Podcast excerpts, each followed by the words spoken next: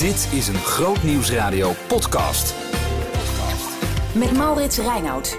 Een preek uit de derde Adventsweek, de derde Adventszondag. We zijn uh, ons aan het klaarmaken natuurlijk voor kerst. We verwachten de komst van Jezus. Dat is natuurlijk allemaal gebeurd, maar we zijn daarmee bezig. Uh, we maken ons hart als het ware daar klaar voor. Um, en daar dient ook eigenlijk de preek voor. Uh, deze week van Ron van der Spoel. Het thema daarvan is het woord is vlees geworden. Deze adventstijd willen, lezen we met elkaar uh, als voorbereiding op het kerstfeest uh, uit de Evangelie. En ik wil uh, graag een stukje met u lezen uit Johannes 1. Het Evangelie van Johannes, hoofdstuk 1, staat boven: Het woord is mens geworden. En ik lees tot en met vers 14. In het begin was het woord. Het woord was bij God en het woord was God. Het was in het begin bij God. Alles is er door ontstaan en zonder dit is niets ontstaan wat bestaat. In het woord was leven. En het leven was het licht voor de mensen. Het licht schijnt in de duisternis, maar de duisternis heeft het niet in haar macht gekregen. Er kwam iemand die door God was gezonden. Hij heette Johannes.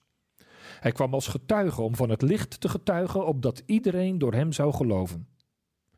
Hij was niet zelf het licht, maar hij was er om te getuigen van het licht, het ware licht, dat ieder mens verlicht en naar de wereld kwam. Het woord was in de wereld. De wereld is door hem ontstaan. Toch kende de wereld hem niet. Hij kwam naar wat van hem was, maar wie van hem waren, hebben hem niet ontvangen. Wie hem wel ontvingen en in zijn naam geloven, heeft hij voorrecht gegeven om kinderen van God te worden. Zij zijn niet op natuurlijke wijze geboren, niet uit lichamelijk verlangen of uit de wil van een man, maar uit God. Het woord is mens geworden en heeft bij ons gewoond, vol van goedheid en waarheid. En we hebben zijn grootheid gezien, de grootheid van de enige zoon van de Vader. Ik weet niet of u de film wel eens gezien heeft. De film uh, is inmiddels al een oude film. Die heet Sophie's Choice. Het is een afschuwelijk verhaal, echt gebeurd. Uh, over een moeder, Sophie, die met twee kinderen naar een uh, concentratiekamp wordt gebracht in de trein. En dan staat ze voor de tafel van degene die moet beslissen wie naar de gaskamers gaat en wie mag blijven leven. En dan doet de sadistische natiebeul doet haar een voorstel. Hij zegt: Jij mag blijven leven en je mag één kind meenemen. Het andere kind zal sterven. Kies maar. En dan staat zij bij, met die twee kinderen. Ze kijkt naar haar twee kinderen. En ze kan niet kiezen. Ze kan niet kiezen. Eén van haar twee kinderen, houdt van allebei haar kinderen evenveel natuurlijk. En dan moet de moeder kiezen tussen twee kinderen. Eentje moet ze dan naar links duwen. En de ander met haar meenemen naar rechts of andersom. En dan duw je dus je kind de dood in als moeder afschuwelijk sadisme van de natiebeul. En je ziet, die film gaat over haar afschuwelijke worsteling, dat ze niet kan kiezen. Als je tussen twee geliefden moet kiezen, wil je eigenlijk maar één ding. Mag ik gaan? Dat smeet ze ook. Neem mij, neem mij. En mogen die kinderen allebei blijven leven. Laat mij sterven. Als je tussen twee geliefden moet kiezen, zeg je altijd: laat mij maar gaan. Mag ik sterven?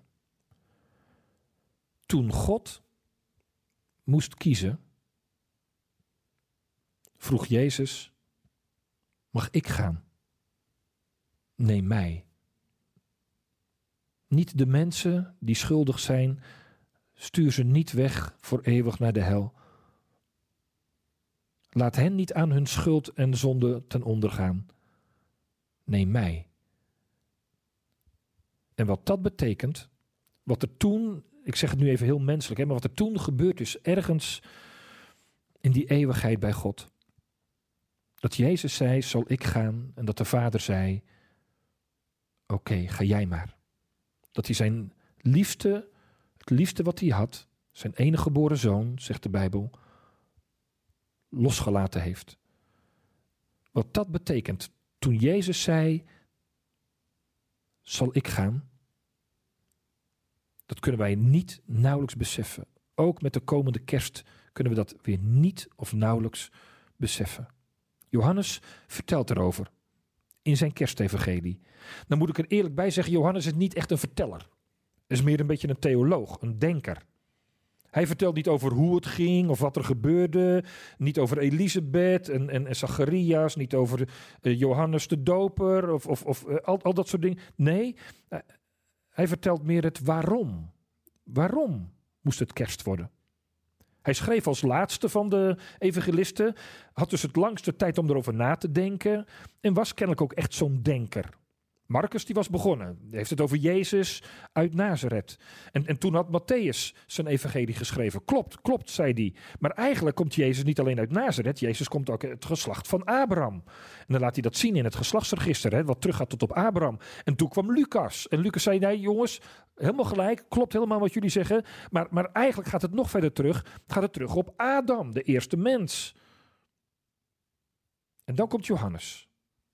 En Johannes schrijft aan een gemeente, aan, aan een groep kerken, die, die, die God zien vanuit zichzelf, uit hun oude geloof, als een kracht, als een, als een mysterie, als iets heel wazigs. God is een bron van kennis. Het gnosticisme noemen we dat. God is een bron van kennis, een mysterieus iets, ergens in een andere dimensie. Maar hij was geen mens. Dat kan niet. Daarvoor is God veel te machtig en te groot en is het te wazig en te vaag. En dan zegt deze Johannes, zij noemde dan God, het, goddelijke noemden ze het woord, logos in het Grieks. Het woord, God is het woord. Allemaal heel vaag. En dan zegt Johannes, ja dat klopt, in het begin was het woord, het woord was bij God, de logos, zoals jullie die dan noemen, er was God. In den beginnen was het woord. En dan gaat hij helemaal even in, in, in die gedachtegang mee. Maar dan gaat hij, gaat hij een stapje verder. En dan komt er als een.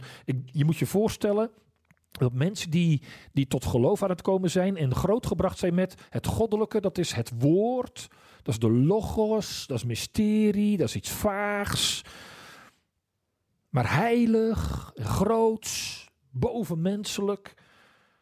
En dan komt opeens Johannes als een, als, een, als een donderslag bij heldere hemel. Terwijl ze helemaal met een meegaan. Het woord was in de wereld. De wereld is door het woord ontstaan. Zitten ze helemaal zitten ze mee te zwijmelen als het ware in de kerk. Oh ja, heerlijk, heerlijk. Vertrouwde klanken. En dan opeens, bam, zegt Johannes. Maar dat woord is mens geworden. Nou, ze stuiteren op hun stoel. Wat voor ons een beetje gewoon geworden is. Waar we nauwelijks meer beseffen wat er, wat er gebeurd is. Jezus is mens geworden, dat, dat was onvoorstelbaar voor hen. En het is ook onvoorstelbaar. Johannes beseft dat woord die God die hemel en aarde geschapen heeft, die de melkwegstelsels, en inmiddels weten wij, dat wisten ze toen nog niet, dat er miljarden melkwegstelsels zijn. En dat één melkwegstelsel uit miljarden sterren bestaat, en planeten. En dat één zo'n planeet, dat heet bolletje aarde. En dat dat een stofje aan de weegschaal is. En dat Jezus dat geschapen heeft, samen met zijn vader en met de geest. Dat God dat gemaakt heeft. Niets, zegt Johannes, hè, uh, alles is er door ontstaan en zonder dit is niets ontstaan wat bestaat. Alles komt bij het woord, bij God vandaan, bij Jezus vandaan. En dan heeft Lucas gezegd, en dat gaan we binnenkort horen met kerst, gij zult een kindje vinden in doeken gehuld. Is dat het woord? Is dat die heilige, machtige, mysterieuze, niet te bevatten God? Ja, zegt Johannes. Die grote, geweldige God is helemaal mens geworden. Met huid en haar, met geur en smaak, met zweet en stank. Gewoon mens als jij en ik. Tot dat moment, moet je even heel goed beseffen, tot dat moment kon God nog altijd van ons af. Maar vanaf dat moment, toen Jezus onze gedaante aannam, zo staat het in de Bijbel, toen hij werd als mens, en dat niet voor even, maar voor eeuwig, heeft God zich voor eeuwig verbonden met ons mensen. God met ons, God als ons. Er staat in Filippenzen 2, heeft Paulus dat, dat bekende lied over Jezus. Er staat, hij heeft het goden gelijk zijn niet voor zichzelf gehouden, maar heeft het afgelegd. En heeft de gestalte van een knecht aangenomen.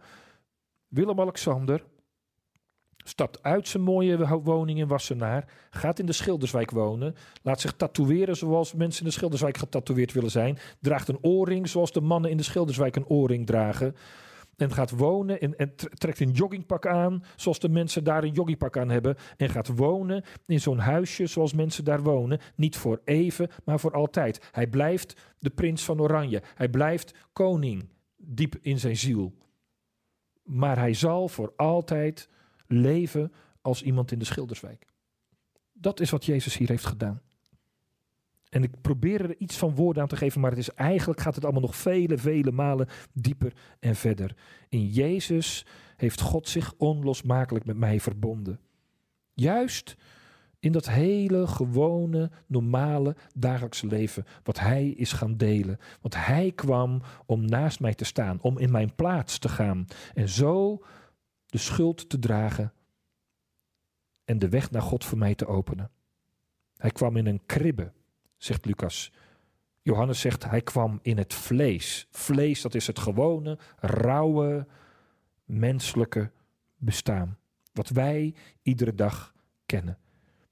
Jezus is in mijn gewone leven gekomen. Het gewone dagelijks leven. Hij had honger, hij had dorst, hij moest eten, hij moest drinken, hij moest naar de wc, hij ging zich douchen, hij ging zich wassen, hij stond op, hij ging weer naar bed, hij trok zijn pyjama aan. Al die gewone dingen heeft hij met ons gedeeld. Hij, schepper van hemel en aarde, werd een mens als wij. En zo, bij wijze van spreken met die tatoeages van de Schilderwijk, zit hij nu op dit moment aan de rechterhand van de Vader voor altijd. En soms zeggen mensen, ik, ik merk zo weinig van Jezus, ik zie zo weinig van Jezus. Dat komt omdat je te hoog kijkt. Hij is in het gewone. Hij is in het dagelijkse. Hij is vlees geworden. Verborgen aanwezig deelt u mijn bestaan. Dat. En de verborgenheid zit hem in het gewone. Dat ik Jezus mag zien in iemand die ik ontmoet. Dat ik Jezus mag zien in een kind wat speelt. Dat ik Jezus mag zien Juist in het hele gewone, normale leven. Het woord is vlees geworden. Hij kwam bij ons heel gewoon. Omdat hij naast mij wilde staan. Omdat hij bij me wilde zijn. Daarom moest hij mijn leven delen. Ook het gewone, het alledaagse. Ik mag het nu delen met hem. Hij heeft het gered. Hij heeft het veranderd. Hij is erbij. In alle zonde, in alle wonden, in alle gebrekkigheid mag ik Jezus erbij nodigen.